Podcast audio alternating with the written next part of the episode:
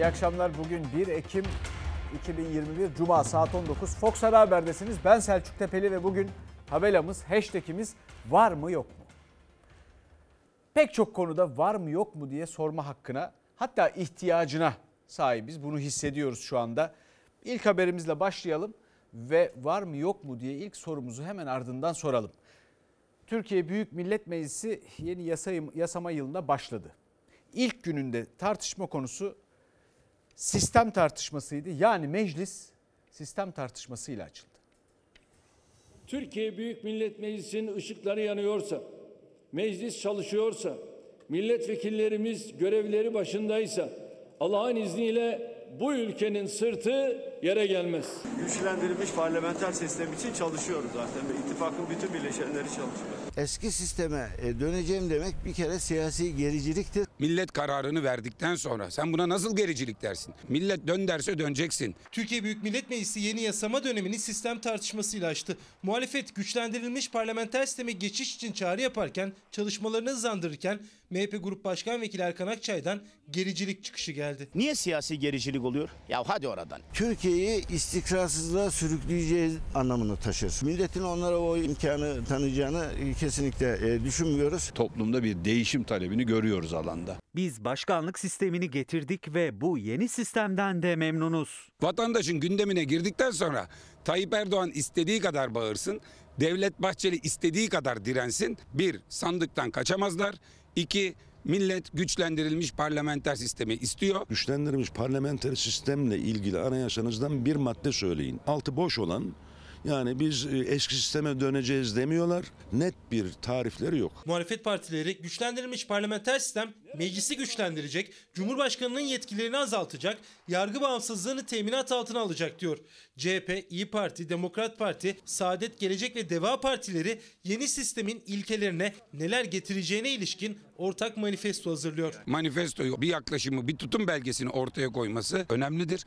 Vatandaş da zaten artık bunu somutlaştırmamızı bekliyor. Yeni bir sistem arayışına gitmek zaman israfıdır. Milli iradenin eliyle yeni bir anayasa kazandırma teklifimizin de meclisimiz tarafından başarıyla hayata geçirileceğini ümit ediyorum. Partilerin yeni anayasa tekliflerini kamuoyuyla paylaşmalarını bekliyoruz. Meclisin açılışında konuşan Cumhurbaşkanı Erdoğan ise sistem tartışmalarına girmedi ama yeni anayasa çağrısı yaptı muhalefete. Türkiye Büyük Millet Meclisi'nde MHP lideriyle yan yana verdiği kare ise Cumhurbaşkanlığı hükümet sisteminden dönüş yok mesajının da görüntüsüydü. Meclis kürsüsünde Kürt sorunu tartışmalarına da değindi. Adına Kürt sorunu denen meseleyi hak ve özgürlüklerden kalkınmaya kadar tüm boyutlarıyla biz çözdük. İktidar kanadından gelen tüm açıklamalara rağmen bu partilerin, bütün partilerin katılımıyla onların yeni anayasa projelerini toplumla paylaşması talepleri bana sanki bir çıkış arayışı gibi gelmiyor değil. Ama öte yandan buradaki en önemli soru, en çok dile getirilen şimdi bu yeni sistemde Cumhurbaşkanlığı hükümet sisteminde istikrar var mı yok mu? Ben cevabı size bırakacağım. Birkaç rakam oran paylaşacağım sizinle. Bu yeni sistemde ve bu dönemde 15 ayda bir ortalama sandık kuruluyor. Yani bir yılı biraz aşkın süreyle. Demek ki sandığı ortadan kaldırmıyor ki kaldırmaması gerekir ayrı mesele ama istikrar seçimsiz dönem diye tarif edilir ya hep iktidarlar öyle söyler. Onun için paylaştım bunu. 4 ay yani 4 ayda bir şey yılda 4 tane ekonomi paketi e, hazırlanıyor veya işte bir reform paketi hazırlanıyor, paylaşılıyor. Ya demek ki bu paketler işe yaramıyor. Her yıl ortalama 4 tane paket hazırlanıyor. Döviz, Türk lirası döviz karşısında, dolar karşısında tarihinin en düşük, en değersiz seviyesinde. Bu arada da Türkiye'nin kredi notu yani CDS'i yani güven ver, borcunu ödeyebileceğine dair güven faizine baktığımızda en düşük seviyede, faize en yüksek seviyede, en yüksek seviyelerden borçlanıyoruz tarihimizde. Bütün bundan önceki borçlanmalara baktığımızda net rezervlerimiz en düşük seviyeleri gördü. Döviz rezervlerimizden bahsediyorum Merkez Bankası'nın. İşsizlikte en yüksek, bilhassa genç işsizliğinde en yüksek rakamları gördük.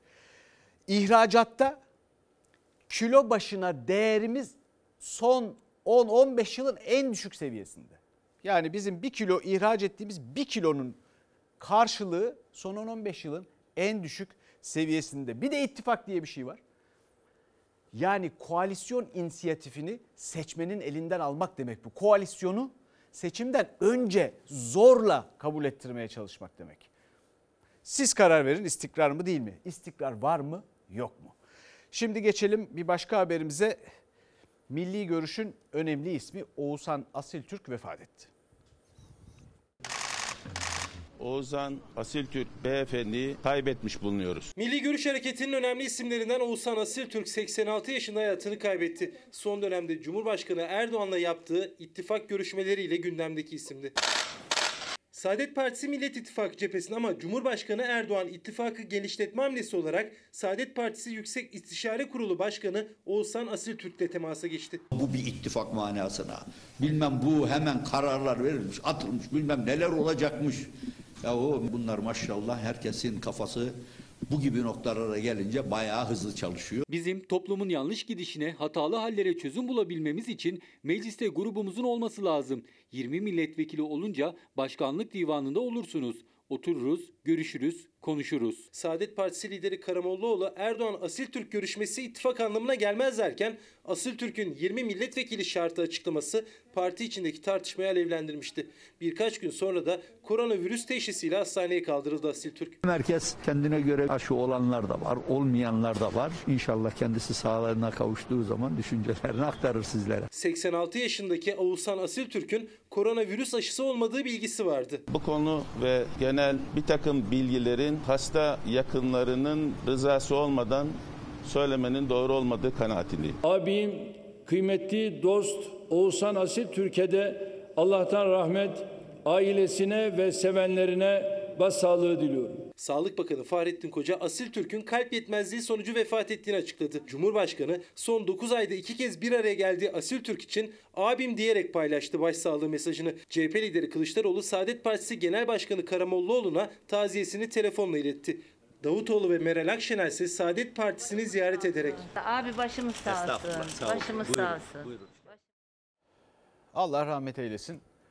Ve şimdi buradan koronavirüsüyle mücadeleye geçelim. Aşılama, aşılama ile ilgili de bir aşılama var mı yok mu şu anda? Bu soruyu sordurtan bir tablo var. Niye? Çünkü Eylül ayında bütün nüfusun e, hedeflenen aşılama oranı %75'ti. Ekim ayı geldi %52'de takıldık kaldık. Sınıf sayılarının çok yüksek olması, 30'un 40'ın üzerinde olması bu bizi çok tedirgin ediyor. Geldiğimiz noktada tamamen salgın yönetiminin bırakıldığı izlenimini ediniyoruz. Yeni tedbir yok. Vefat ve vaka sayıları ise çok yüksek. Son 24 saatte 216 hasta daha yaşamını yitirdi. 29 binin üstünde de yeni vaka var. Aşılama ise neredeyse durdu. Haftanın başında nüfusun tamamında çift doz aşılama oranı %52 idi. 5 günde bu oran değişmedi. 18 yaş üstünde de hala %71. Uzmanlar salgın yönetimi bırakıldı diyor. Çünkü aşılamaya yönelik tek açıklama Sağlık Bakanı'nın sosyal medyadan düzenli olarak yaptığı aşı çağrısıyla sınırlı. Bulaşma ve vefatlar zincirleme ihmal sonucu gerçekleşiyor. Aşılarımızı olup tedbirlere uyalım. Ocak'ta başlayan bu aşılama sürecinin 3-6 ayda bitmesi gerekiyordu. Ama Eylül sonu oldu. Biz %60'ı da bulamadık. Aslında Eylül ayına %75'lik aşılama oranıyla girilmesi hedefleniyordu. Ekim ayı geldi, aşılama %52'de takılı kaldı. En çok da veliler endişeli. Milli Eğitim Bakanı da yüz yüze eğitim başladığından bu yana 6 bine yakın sınıfın karantinaya alındığını söyledi. 6 Eylül'den itibaren 5900 sınıf kapandı ve şu an itibariyle açıldı. Endişeliyiz. Bugün kızıma aşı randevusu almıştım. Aşıya götüreceğim. Ben elimden gelen önlemleri alıyorum. Hani Milli Eğitim Bakanlığı'nda alması gereken önlemler var. Sınıflar seyreltilebilir. Derslikler açılabilir. Şu anda mesela cam pencere açık ama e, kışın kapatılacak, daha kapalı ortam. Nasıl devam ederler bilmiyorum. Yüz yüze eğitimde dördüncü hafta geride kaldı. Havalar da giderek soğuyor. Sınıflar belli aralıklarla havalandırılıyor ancak bu mevsim geçişiyle birlikte velilerin endişesi daha da artıyor. Çünkü sınıflar çok kalabalık ve uzmanlara göre de bu eğitim döneminde sınıf mevcutları muhakkak azaltılmalı. Sınıf mevcutlarının yarıya indirilmesi lazım. Gerekirse vardiya usulü bir eğitime geçilmesi lazım. 850 bin dersliğimiz var. Bunların çok az kısmında ikili eğitim yapılıyor ve kalabalık sınıflar var. Bakan Mahmut Özer çok az kalabalık sınıf var dedi ama yüz yüze eğitimde dördüncü hafta raporunu hazırlayan Veli Derneği'ne göre bakanlığın sözünü ettiği kadar az değil kalabalık sınıfların sayısı. Her geçen gün salgın yayılımı ve karantinaya alınan sınıf sayısı artıyor. Alınmayan önlemler nedeniyle kaygılarımız da her geçen gün derinleşiyor. Ama bakanlık her konuda olduğu gibi bu konuda da sorun yokmuş gibi davranıyor. Gelişmiş ülkeler e, havalandırma sorununu çözdüler ciddi bütçelerle. Ancak biz maalesef böyle bir bütçe ayırmadığımız için bu sorun çözülemedi. Şu anda öyle veya böyle camları açtığımız ortamları kışın açamayacağız. Veliler de uzmanlar da tedbirlerin artırılmasını istiyor. Enfeksiyon hastalıkları uzmanı Profesör Doktor Esin Şenol'a göre en önemlisi de öğretmenlerin ve velilerin aşılarının tamamlanması. Aşısız öğretmen, aşısız personel olmamak zorunda. Bir izleyici, izleyicimiz sormuş var mı yok mu diye. Cumhurbaşkanı meclisin açıldığı gün dışında mecliste var mı yok mu? Elbette yok. Cumhurbaşkanlığı bütçesi görüşülürken de yok. Muhalefeti tebrik ediyorum mecliste olduğu için demiş izleyicimiz.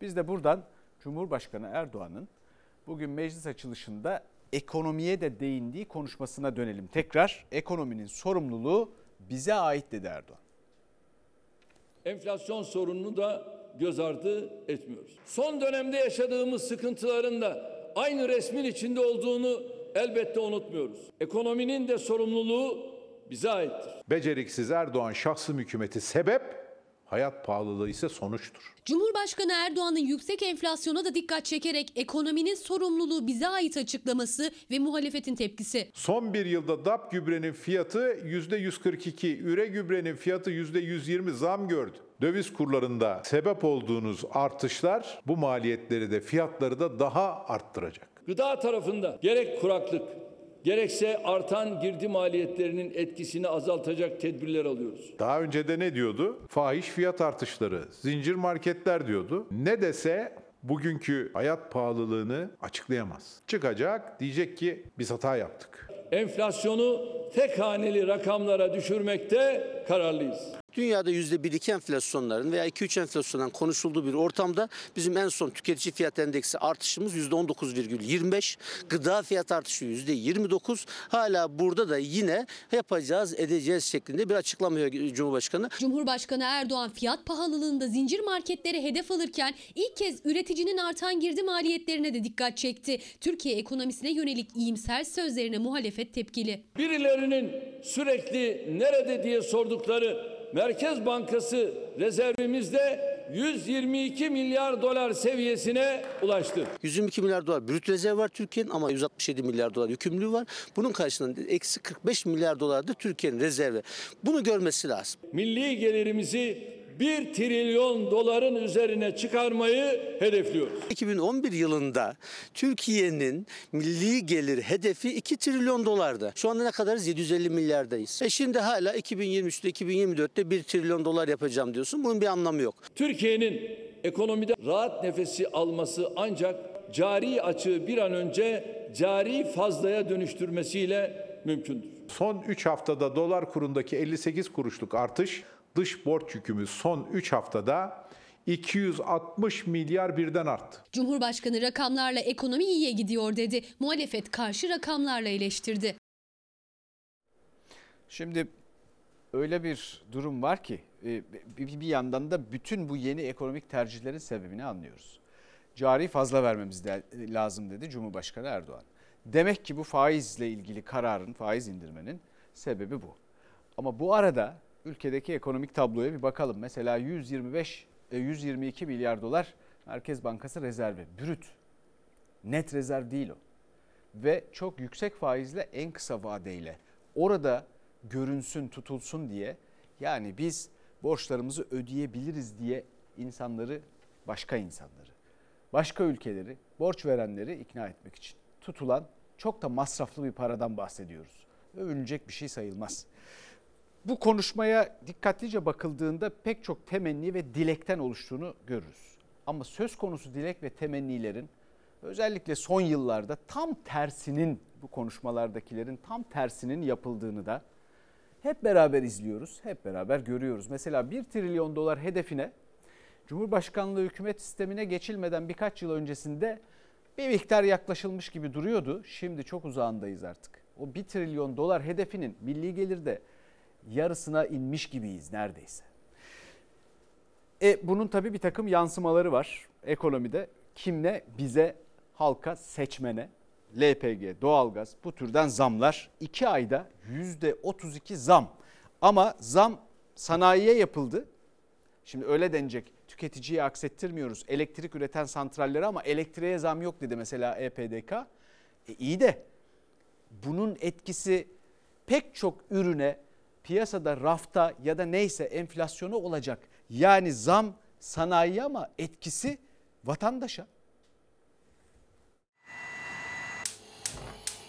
Öncelikle üretimi etkileyecektir. Üretimi etkileyince vatandaşı da direkt olarak etkilemese bile en direkt olarak etkileyecektir. Yani sonuçta bizim hayatımıza bu ürünlerin zamlı olarak gelmesi demek. Her gün bir sürprizle uyanıyoruz yani.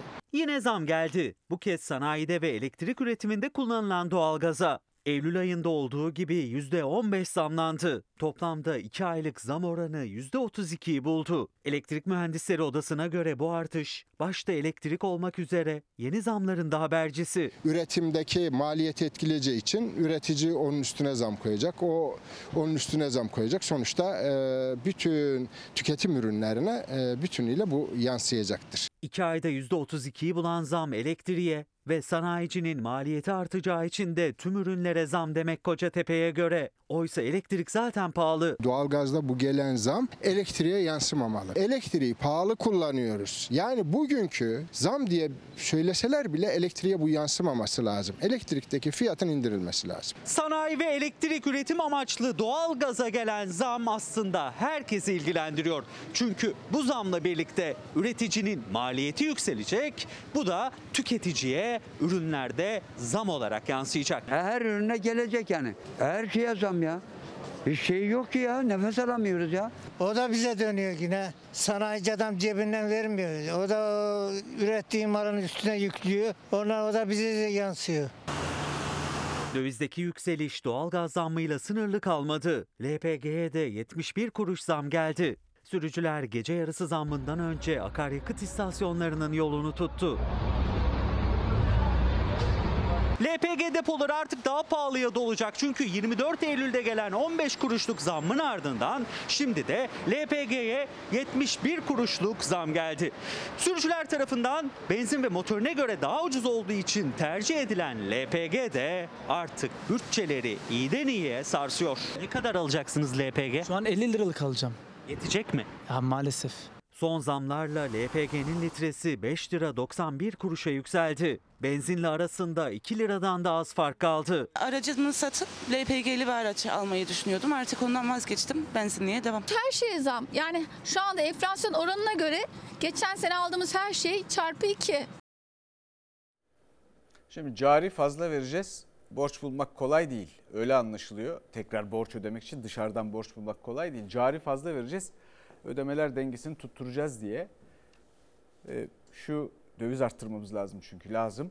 Peki içeride bu tablo seçmenin, tüketicinin, bu ülkenin, halkının, milletin çilesi ne olacak bu zamlarla?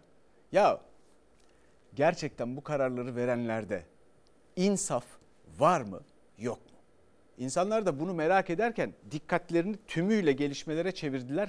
Kısa böyle hap gibi bir üniversite bitirmiş gibi herkes hukukta, iktisatta filan. O kadar iyi anlıyorlar ki pek çok yetkili gerçekten bu kadar anlamıyor. Efendim e, bir 3600 sözü var biliyorsunuz. Herkes her şeyin takipçisi artık başka türlü olmuyor. 3600 ek göstergeyi bekliyor insanlar. Söz verildi. Üstünden en son duyduğumda 39 ay geçmişti. Peki bugün AK Parti Grup Başkan Vekili Mustafa Elitaş bununla ilgili bir açıklama yaptı. Dedi ki bütçede karşılığı yok. Meclise 3600 ek gösterge kanunu gelir. O konuyla ilgili şimdiden bir şey söylemek zor. Bu sözümüzü yerine getirmek için de Sayın Cumhurbaşkanımızla talimatıyla arkadaşlarımız çalışıyorlar. Onunla ilgili bizim bir e, çalışmamız, milletvekili arkadaşlarımız belki çalışma yapıyor bil- olabilir ama bakanlıkların yaptığı çalışma konusunda bir bilgi sahibi değilim. İçişleri Bakanı Süleyman Soylu'nun 3600 ek gösterge taahhüdümüz çalışmalar sürüyor açıklamasından iki gün sonra AK Parti Grup Başkan Vekili Mustafa Elitaş öyle bir çalışmadan haberim yok dedi. Cumhurbaşkanının 39 ay önce verdiği 3600 ek gösterge sözü için bütçede olması gerektiğini söyledi. Emeklilik ek göstergelerini 3600'e çıkaracağız. Bütçede karşılığı olmayan hiçbir şeyi kanun olarak yapamazsanız yapsanız dahi uygulanma imkanı olmaz. Bunun bütçede yer alması gerekir. 3600 ek gösterge için mücadele yapacağız. Ya onlara verdirteceğiz ya biz yapacağız. Son olarak İçişleri Bakanı 3600 ek gösterge taahhüdümüzdür dedi ama CHP iktidarın o vaadinin peşini bırakmıyor. Bu kez genel merkeze memur 3600 ek gösterge hakkına alacak pankartı asarak o vaadin takipçisi olduğunun mesajını verdi. 39 ay geçti. Canlı yayında söz verdi. Vermedi. Emekli polis. Emekli polis. Evet emekli polis memuruyum ben. Evet. Tam da adamına geldi. CHP sokakta dağıttığı el broşürleriyle de genel merkez binasına astığı dev afişle de iktidarın vaadi 3600 ek gösterge kampanyasını sürdürüyor. AK Parti Grup Başkan Vekili Elitaş'ın açıklamaları ise ek gösterge için çok da umut vermiyor. Bunu hazine maliyenin bunu verecek organın değerlendirmesi gerekir. 3600 ek göstergesi için iki de yıldır önerge veren milletvekiliyim. Ama bunlar AK Parti ve MHP oylarıyla reddedildi. Bütçede olmayan bir kaynağı yeniden gündeme getirip kanun tasarısı e, teklif olarak yapabilmek anayasaya aykırı bir durumdur. Laf duymaktan bıktık. Getirin meclise muhalefet partileri olarak 3600'e evet diyeceğiz. Artık milletle kafa bulmayı bırakın. Salgınla mücadele bağlamında ülkemizin imkanlarını milletimizin huzuru, sağlığı, barışı için harcıyoruz. Yandaş müteahhitlere dolarla avroyla verdiğiniz garantileri pandemiymiş, salgınmış demeden, sektirmeden ödediniz. Yeni yasama yılında polis, öğretmen, din görevlileri ve hemşirelerin gözü meclise çevrilmişken AK Parti Grup Başkan Vekili Elitaş'ın çalışmadan bilgim yok sözleri iktidar cephesinden son 3600 açıklaması olarak kayda geçti. Şimdi bu konuyla ilgili de aman ekonomiyi batırır diye iktisat uzmanı kesilenler var insanların başına. Ya Türkiye'de son 50-60 yıldır kaç kere anlattım. Verimlilik yani çalışanın verimliliği ve işverenin karı artmış. Ne için? Sermaye biriksin diye. Birikmiş mi? Birikmemiş. Ne yapmışlar? Belli değil. Ne artmamış? Ücretler artmamış. Ve istihdam artmamış. İnsanlarla paylaşmadığınız zenginlik sürdürülebilir bir şey değildir. Bu ülkede gelir adaletsizliği olduğu sürece ki derinleşiyor. Hiçbir ekonomik program sorunları çözmeye yetmez. Bu ülkede verimsizlikle ilgili bir sürü şey söyleniyor. Vay işçi verimsiz, vay çiftçi verimsiz filan diye. Ya asıl sermaye verimsiz. Bu ülkede bir bakın işverenler ne kadar verimliymiş. Her türlü ticari e, koruma rantları onlara e, göre ayarlanıyor. Bütün iktidarlar öyle kararlar alıyor. Çok küçük istisnalar dışında. E bir sermaye biriktiremiyorlar. Ne yapıyorlar bu paraları ya? Bir kar edemiyorlar. Bir para kazanamıyorlar. Yani yöneticisiz, patronsuz şirketler önerenler var. Frank Wu Hang diye bir adam var mesela ama şimdi o topa girmeyeceğim. E, e, tüyleri diken diken etmeyeyim rejide de. Geçelim buradan Sayıştay raporuna. Sayıştay'dan bir bomba daha. Bir ihale var ki bu kadar da pes dedirtiyor. Muhafaza borularına 8 milyon 646 bin 91 lira ödeme yapılıyor. 1 metre muhafaza borusunun maliyeti 2239 liraya çıkıyor. Sayıştay'ın Karayolları Genel Müdürlüğü raporundan metresi 7 lira 94 kuruş olan kablo muhafaza borusu için şirkete metre başına 2500 lira ödendi. 30.665 lira maliyetle yapılması gereken muhafaza boruları yüzlerce kat artarak 8 milyon 646 bin 91 liraya çıkıyor. Sayıştay'ın Karayolları Denetim raporuna göre Eskişehir Şehir Hastanesi'nin kavşak ve bağlantı yolu için 110 milimetrelik 200 metre kablo muhafaza borusu ihalesi açıldı. İhaleyi alan firma 200 metrelik yer için 3862 metre boru kullandı. 200 metre muhafaza borusu kullanılması öngörülürken işin bitiminde 3800 62 metre muhafaza borusu kullanılıyor. Sayıştay'ın raporunda bu detaya özellikle dikkat çekildi. Bir de borunun metresine ödenen paraya. Çünkü ihale alan firmaya metre başına 2500 lira ödendi ama Sayıştay elektrik dağıtım AŞ birim fiyatına göre borunun metresinin 7 lira 94 kuruş olduğunu tespit etti. Firmaya 315 kat daha fazla para ödendiğini, maliyet 30 bin lira olacaktı, 8 milyon 646 bin lira çıktı karayollarının kasasından. Muhafaza borularına 8 milyon 646 bin 91 lira ödeme yapılıyor. 1 metre muhafaza borusunun maliyeti 2239 liraya çıkıyor. Başkentte Ulus'ta bir hırdavat dükkanındayız. Elimde 110 milimetrelik kablo muhafaza borusu var. Bunun fiyatı şu anda 6,5 lira. Geçtiğimiz yılsa bunun fiyatı 3 ila 3,5 lira arasındaydı. Metresi 6.50 kuruş. 3862 metre almak istesek ne kadar tutar? 3862 çarpı 6.50 25.103 lira tutar. Nakliye dahil indiririz yerine. Geçen sene almış olsaydınız da 13.500 liraydı. Pazarlık usulü ihaleler ile halkın parası çarçur ediliyor. Ayıptır, yazıktır, günahtır. Sayıştay raporlarına göre 2014-2020 yılları arasında verilen hazine garantilerine ilave olarak ödenen kur farkı toplam tutarı 77 milyar 949 milyon 920 bin 801 lira. Sayıştay raporlarına yansıyan bir başka milyarlık detay. CHP'li Deniz Yavuz Yılmaz gündeme taşıdı.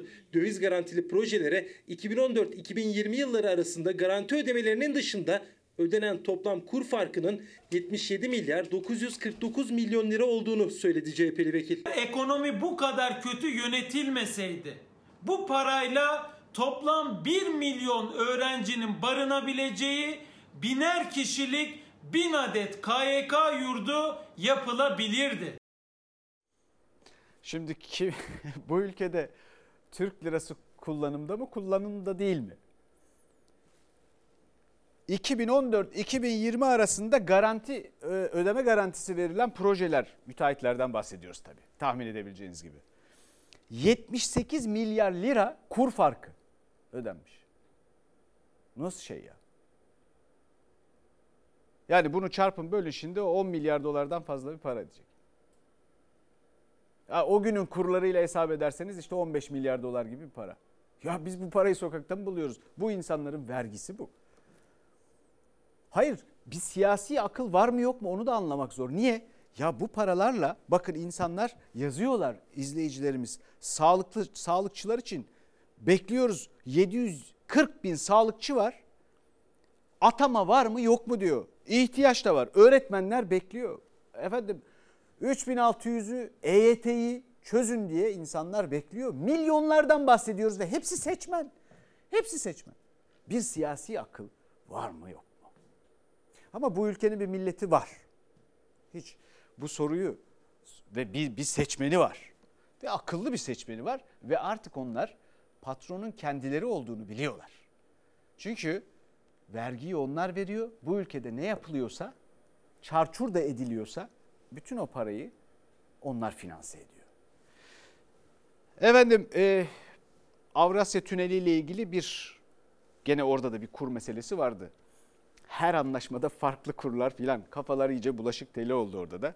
Sayıştay'ın raporuna bakanlıktan itiraz geldi. Burada kuruş oynuyor, kuruş fark oynuyor ve bu kuruş 13 milyon liralık farka yol açıyor. Demek ki bu sözleşmeler o kadar fazla yüksek maliyetli ki bir günlük kur farkı bir projede 13,5 milyon liraya mal oluyor. Avrasya Tüneli'nden geçen her otomobilden 4,5 lira, toplamda da 13 milyon lira fazla para alındığı tespitine yer vermişti Sayıştay denetim raporunda. Ulaştırma Bakanlığı'ndan Sayıştay'a yanıt geldi. Fazla ücret alınması söz konusu değil denildi. Döviz kurunun hatalı alınması neticesinde belirtilen dönem için tünelden ücretli geçiş yapan araçlardan KDV hariç toplam 13 milyon TL fazla tahsilat yapılmasına sebebiyet verilmiştir. Fazla tahsilat yapılan bir ücret belirlenmesi asla söz konusu olmamıştır ve olmayacaktır. Yılın son günü veya yılın ilk günü olarak açıklanan o bilgiler bile bir projede 13,5 milyona fark ediyorsa vay halimiz. Sayıştay raporuna göre resmi tatile denk geldiği takdirde kullanılması gereken 31 Aralık'ın döviz kuru kullanıldı geçiş ücreti hesaplanırken. Oysa 2 Ocak baz alınmalıydı. Aradaki kuruştan da küçük farksa 13 milyon liranın sürücülerden fazla tahsil edilmesine neden oldu. Ulaştırma Bakanlığı yanıtında doğru kurun kullanıldığını, fazla ücret alınmasının söz konusu olmadığını belirtti. Bu husus Sayıştay Denetim raporunun diğer bulgular bölümünde yer almış ve bulgu vasfındaki kanaatidir. Somut gerçeklikle uyuşmayan bulgular değişebilir, çürütülebilir vasıftadır. Ulaştırma Bakanlığı Sayıştay raporunda yer alanların bulgudan ibaret olduğunu savundu. Bu tür işlerde kanat geçmez. Yani sözleşmede yazılan madde neyse o geçerli. Bu 13,5 milyon maliyeti kimse bir şey söylemiyor. Ne bakanlık ne Sayıştay burada bir şey söylemiyor. Şimdi bu açıklamada öyle tuhaf bir durum var ki böyle bir şey yoktur. Söz söz konusu olmamıştır ve olmayacaktır. Olmamıştır ve olmayacaktır. Ya bu konu burada belli. Bununla ilgili bir cevap verilecek. Arkasına bir de olmayacaktır eklendiğinde yani o zaman kuşkulanmaya başlıyor insan. Ya iletişim biraz da yani hiç iletişim tecrübesi, yeteneği var mı yok mu? Bu, işte bu yetkililerin iletişim kurmak için kullandıkları metinler bunlar. Efendim şimdi çiftçinin meselelerine geçiyoruz ki çiftçinin meselesi hepimizin meselesi. Sofrayı ilgilendiriyor. Karnımız doyacak mı, doymayacak mı? Bu ülkede yeterince yiyecek gıda var mı, yok mu? Çiftçinin maliyeti 2 yılda 2 katını aştı. Bu sene bu dükkana kaç lira vermişsiniz hesaplayalım mı? 2018'de ben bu dükkana dekar başı maliyetim 194 TL idi.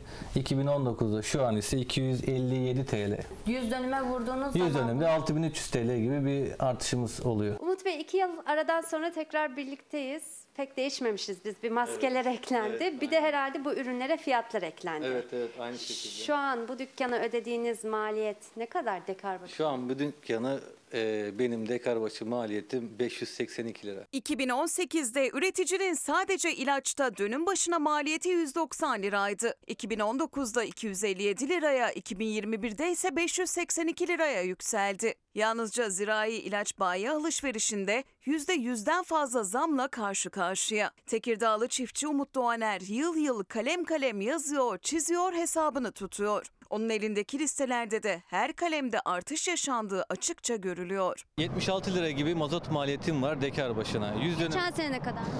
Geçen sene 67 lira gibi bir maliyet vardı ortalama. Şu an yakıtımız bizim yani dekar başı 87 TL'ye dayandı. Mazot maliyeti de yıldan yıla arttı Doğaner'in. Dönüm başına 67 liraydı. Önce 76 lira oldu. Artık 87 lira. Tohum mesela 2,5 TL'den sertifikalı tohum alıyorduk şu an 5 liraya tohum alıyoruz kilosunu. Gübre zaten en çok artanlardan. %300 gibi. 2 lira 10 kuruşa alıyorduk. 2100 liraya tonunu alıyorduk. Şu an 7 bin liraya dayandı. Çiftçi her sene ürününü satıp bir sonraki ekim için zirai ilaç bayisine gittiğinde yeni fahiş fiyatlarla karşılaşıyor. 20 Ocak 2020'de faturası var. 19,5 liraya bana gelmiş bu ürün. Bugün ben almaya kalkayım 56 liraya alıyorum. 19,5 liraya sattığım bir ürünü 56 liraya sattığım zaman kendim büyüyor diye kandıramam yani. Büyüdüğüm falan yok. Ben 100 tane satıyorsam gene 110 taneye çıkabildiysem benim için büyüme budur. Çiftçi de büyüyemedi son iki yılda. Umut Doğaner 2019'da 100 dönüm tarla için 64 bin lira harcamıştı. 2021'de ise 131 bin 890 lira harcadı. Maliyeti 2 yılda 2 katını aştı. Kazancı ise her geçen gün azalıyor üreticinin. Malzemeyi dolarla geliyor Türkiye'ye ama biz malımızı TL ile satıyoruz. O yüzden yani bize bir şey kalmıyor, bir kar kalmıyor. Yeni yıla borçlanarak giriyoruz. Böyle geçiniyoruz. Öde, yeniden aç. Öde, yeniden aç. Bu tarım ve çiftçilik konusuna yayının hemen sonundaki bir dakikada döneceğim. Hem de 2100 sene evvelinden yaklaşık Vergilius'tan. Cevaplar hep vardı zaten. Şimdi geçelim işçinin ve işçiden kesil işçinin bir sıkıntısı var. Pek çok vergi kalemi var. Hemen kesiliyor daha maaşı almadan. işçiden kesilen vergilere tepki. Vergide adalet, vergide adalet, Maaşımızı aldığımız gün kalem kalem hesaplarımızı yaparız. Hesabın sonu zaten eksideyiz. Özellikle çocuğumun kışlık ihtiyaçları olmasına rağmen onu bile karşılamakta zorlanıyoruz. Şahlanan tek şey işsizlik, pahalılık, faturalar, borçlar, zamlar. Asgari ücret ve bütün ücretlerin asgari ücret kadar tutarı tümüyle vergi ve kesintilerden muaf olmalıdır. Düşük gelir yüksek vergi başta asgari ücretli çalışanlar ayın sonunu getirmekte zorlanıyor. Diskte işçilerden kesilen vergilere tepki gösterdi. Mücadele planını açıkladı. İşçi sendikasına göre ilk yapılması gereken asgari ücretten gelir vergisi almamak. Çünkü açlık sınırının da altındaki asgari ücretliden her ay 187 lira gelir vergisi kesiliyor. Mutfak ihtiyaçlarından tutun birçok ihtiyaçlarda ihtiyaçlarımı giderecek bir kalemdir. Yani cüzi rakam olarak görünebilir ama güvenlik görevlisiyim. 1300 lira kira ödüyorum. Dünyanın en adaletsiz vergi sistemlerinden birisi Türkiye'de. Başta gelirimizden olmak üzere deyim yerindeyse dilim dilim soyuluyoruz. İlk vergi dilimine uygulanan tarife oranının yüzde yirmiden yüzde ona düşürülmesini söylüyoruz. Vergi dilimlerinin yeniden düzenlenmesini istedi disk. Mevcut sistemde 5 vergi dilimi var. Asgari ücretli bile yılın başında %15 gelir vergisi ödüyor. Yarısından sonra %20'lik dilime geçiyor. Disk ilk iki dilimin yani daha az ücret alanları etkileyen dilimlerin %10'a düşürülmesini, asgari ücrettense vergi alınmamasını talep etti. Yani zenginden fazla vergi alınmaya devam edilecek ama dar gelirlinin gelir vergisi yükü hafifleyecek. 4 bin lira ücretle çalışan bir kişi bir yılda 11.224.78 lira gelir vergisi öder. %10 şeklinde uygulanacak bir vergi sistemine geçiş olursa şayet 11.224 lira 5.975 liraya düşer. Yani yıllık 4000 lira ücret alan bir kişinin ödeyeceği vergi aylık 437 lira azalır. Ben 3 çocuklu ve 5 nüfuslu bir aileyim. İki kredi kartım ikisi de patlamış 13-14 bin lira kredinin altında. Gel geçin. Vergi yükü sırtından inerse ancak belini doğrultabilecek asgari ücretli. Eksiye düşünce geçinebilmek için borca muhtaç olunca bir nefes olacak. Belki bir faturanın yükünü alacak. Tek yük gelir vergisi yükü de değil. Disk faturalarda ve gıdada da vergilerin düşürülmesine en düşük emekli maaşının asgari ücret kadar olmasını istedi. Elektrik, su, doğalgaz ve iletişimde bütün vergilerin ve kesintilerin buralarda muaf olması gerektiğini söylüyoruz. Açlık sınırının altındaki ücretlerle karnımızı doyurmaya çalıştığımız bu süreçte temel gıda maddelerinde KDV'nin sıfırlanması gerektiğini söylüyoruz. Kiram maaşımın üstünde. Zaten hayatımızdan pek çok şeyi çıkarttık. Eti çıkardık, kıymayı çıkardık, e, meyveleri de çıkardık bu sene. Bu konularda neden sadece Diskin ve Arzu Çerkezoğlu'nun sesi çıkıyor? Bu ülkede başka sendika yok mu? Bayağı da gezip tozuyorlar bu arada görüyoruz fotoğraflarını filan. Böyle kıtalar arası filan.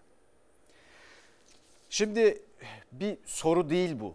İşçilerden, çalışanlardan alınan, kesilen vergilerde adalet var mı yok mu? Bir soru değil bu. Bir cevap için vesile. Yok. Doktorların tepkisine geçelim şimdi. Doktorlar muayene sürelerinin 5 dakikaya indirilmesine tepki gösterdi. Artık bıçak kemiğe dayandı değil, bıçak kemiği deldi geçti deme zamanı. Performansa dayalı sistem sağlığa zararlıdır.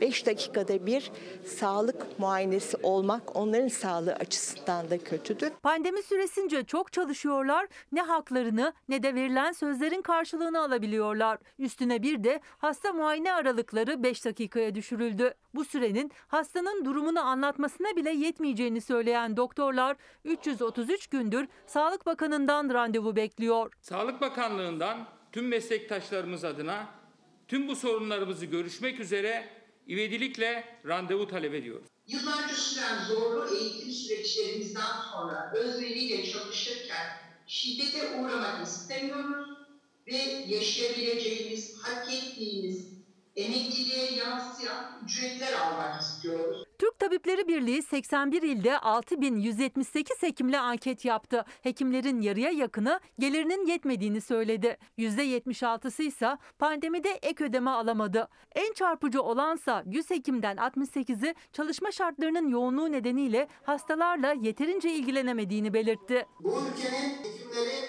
geçinememektedir. Bu ülkenin lütfen duyun. 5 dakikada bir hasta muayenesine zorlandığımız koşullarda biz böyle bir hekimlik yapamayız diyoruz. Çünkü bu hekimlik insan sağlığına, insan yaşamına saygısızlık anlamına gelir. Sağlık Bakanlığı'nın son düzenlemesi de randevu aralıklarının 5 dakikaya indirilmesi oldu. Doktorlar başta bu yeni sistem olmak üzere seslerini duyurmak için eylem hazırlığında. Nitelikli bir sağlık sistemi elde edesiye kadar bu mücadelenin arkasında olacağımızı bildirmek isterim. Toplumun da 5 dakikada sağlık olmaz diye bize katılmasını bekliyoruz. Bir inat uğruna taksi sorunu çözülemiyor. Dolu. Taksi bekliyorum. Beşiktaş Dikili Taş'a gideceğim ama bulamıyorum. Yağmur yağıyor, bavul var ve taksi yok. Çok trafik var falan diyorlar almıyorlar. İstanbul'un hali yaman. İstanbullu taksi beklemeye devam ediyor. Dokuzuncu kez İstanbul Büyükşehir Belediyesi'nin bin yeni taksi teklifini reddeden UKOME'ye göre taksi sorunu yok. İstanbullulara ve İçişleri Bakanlığı'na göre ise sıkıntı var. Bakanlık taksi denetimlerine devam etti. Niye yediniz cezayı? Emniyet kemerden. Niye takmamışsınız? Takmıyorum abi. Üç kere oldu bu hafta. Ceza yemenize rağmen takmıyor musunuz? Takılıyorum abi ya takamıyorum. Başta yolcu seçmeleri ya da yüksek ücret almaları, kemer takıp takmamaları, taksicilere denetimler yeni taksi teklifi reddedildikten bir gün sonra da sürdü. Teklifin sahibi Ekrem İmamoğlu ise UKOME'nin kararına tepki gösterdi. İstanbulluyu yoran ve üzen taksi sistemi değişecek. Önce 16 milyon İstanbullu, daha sonra da 10 binlerce taksici esnafını mutlu edeceğiz. Hiç kimse ve hiçbir kurum 16 milyon İstanbulludan daha güçlü değildir. Taksilerle ilgili sıkıntıların artması üzerine İçişleri Bakanlığı'nın yayınladığı genelgeyle taksilere yönelik denetimler arttırıldı. Taksiler denetleniyor ama İstanbul'da yaşanan taksi bulamama sorununa henüz bir çözüm bulunamadı. 1990 yılından bu yana 17 bin taksi var İstanbul'da. Taksi sayısı artmıyor ama hem nüfus hem de gelen turist sayısı artıyor. Bu nedenle taksi bulamama sorunu sadece İstanbulluyu değil, dünyanın dört bir yanından gelen turistleri de zor durumda bırakıyor. Onlardan biri de Akınç ailesi. Taksi bekliyorsunuz galiba. Evet taksi bekliyoruz. Kaç tane geçti? Vallahi bir en azından bir 10 tane geçti şimdiye kadar. Duran var mı? Duran yok maalesef. Kısa mesafeleri de gitmiyorlar. Trafik tıkanık olunca da gitmiyorlar. Akın çifti Almanya'dan İstanbul'a geldi şu anda. Kabataş'talar Nişantaşı'na gitmeye çalışıyorlar ve taksiye binecekler. Ama 15 dakikadır taksi bulamadılar. Çünkü taksiler ya dolu geçiyor, boş geçenlerse durmaya tenezzül dahi etmiyor. Bir buçuk saat önceden geldik. Erkenden çıkıyoruz ki yani ancak gidelim. Taksi bulmazsak otobüs gitmese yürüyerek gideceğiz. Onu hesaplayarak geleceksiniz. Vazgeçtik artık bir otobüse bakalım olmazsa yürüyerek gideceğiz. Islanacağız. Yapacak bir şey yok. Yeni taksi teklifini 10. kez UKOME'ye getirmeye hazırlanıyor İBB. İstanbullulara göre taksilerin sayısı artana dek yolcu seçmeye devam edecek bazı taksiciler. Yakın da olsa uzak da olsa artık taksiler için fark etmiyor aslında. Çünkü her türlü almıyorlar artık. Kafalarına göre hareket ediyorlar. Okuldan çıkıyoruz, geç saat oluyor, eve gitmek istiyoruz. Orası mesela yoluna uymadığı için hayır ben alamam diyor. İki saattir çarşıdan buraya kadar gel. Yaşlı çocuk almıyorlar. Müsilaj, balık merak edilen konular bu hususlarda ilk rapor çıktı. Vay vay vay vay vay. Ay görüyorsun balık havası. Taze olduğunu biliyoruz ama müsilaj olayı tabii ki etkiliyor biraz. Balıklarımız çok da müşteri yok. Müsilaj bitmedi. İstavrit başta olmak üzere bazı e, yüzeye yakın yaşayan balıklarda ciddi hastalığa neden oluyorlar. Marmara Denizi'ni sardı, temizlik yüzeyden kayboldu ama dibe çöktü. Müsilaja yönelik ilk kapsamlı rapor hazırlandı. 200 istasyon ve 450 noktada inceleme yapıldı. Balıklarda hastalığa rastlandı. Tüketimde ise pişirildiği sürece şimdilik bir sorun yok. Balık tüketebilecek miyiz, tüketemeyecek miyiz? Şu an itibariyle ben balık tüketiyorum. Çiğ yemek sakıncalı fakat ısıl işlem gördükten sonra yani bu pişirilerek yendikten sonra şu anda insanlarla ilgili direkt bir problem gözükmemekte. Uzun süredir balık yedirmiyorum kızıma.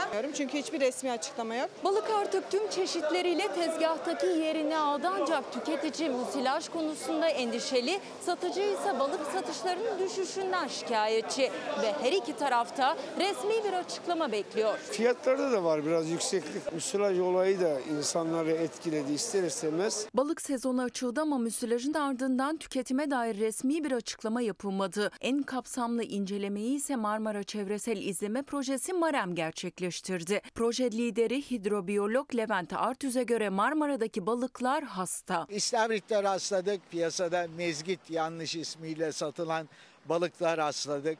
Palamutla lüferle ilgili çalışmalarımız sürüyor. Ciddi şüphelerimiz var. Uzmanların endişesi ise Marmara'daki küçük balıkları yiyen büyük balıkların bu hastalığı diğer denizlere taşıması. Bu hastalığın şu an için Akdeniz'e ilkbaharda da Karadeniz'e taşınma ihtimali var. Balık stokları açısından durum ciddi anlamda vahim. Özellikle bu Ergene deşarjı devam ettiği müddetçe yani bir anlamda ne yaparsak beyhude. Müsilajın sorumlusu kirlilik Artüz'e göre önüne geçilmediği sürece tehlike büyüyecek. Tezgahlarda etiketler ortalama 35 lira. Balıkçılar tüketicinin kafasındaki soru işaretlerini ilgili bakanlıkların gidermesini istiyor. Müşterilerimizi bekliyoruz. İsmi yazı falan okumadık. Yani kimseden net bir şey bilmiyor yani. Gerekli açıklamaların bir türlü yapılmaması hepimizi tedirgin ediyor. Buyur abla. Denizden gelen balık. Yaşar mı abla? Yani. Birazdan bir dakika bölümünde beraberiz. Publius Vergilius yaklaşık 2100 sene önce yazmış bu kitabı. Çiftçilik sanatı. Buralardan, Roma'nın köylerinden ve içinde bir sır saklı. Ne diyor? Köylümüz pür dikkat kesilir, gelmekte olan yıla çevirir bakışını, İlk sen kaz toprağı, ilk sen yak topladığın çalıları, ilk sen taşı kazıkları damın altına. Ama bağ bozumunda sonuncu ol. Bırak iki kat çullansın gölgeler asmaların üstüne. Buradaki sır köylümüz. Bizim coğrafyamızda çiftçi köylüdür. Bu ikisini çiftçi ile köylüyü ayırma. Yoksa birkaç tane kartelle tekele mahkum olursunuz. Onlar da verimsiz olur. Maazallah aç kalırız. Efendim bizden sonra Aşk Mantık İntikam dizisi var yeni bölümüyle. Ve hafta sonu Gülbin Tosun'a da kolaylıklar dileyelim. Bizden bu akşamlık bu kadar. İyi hafta sonları. Kuzusuna kurdular Yunus'una Emrah'a Bütün alem kurban benim yurdum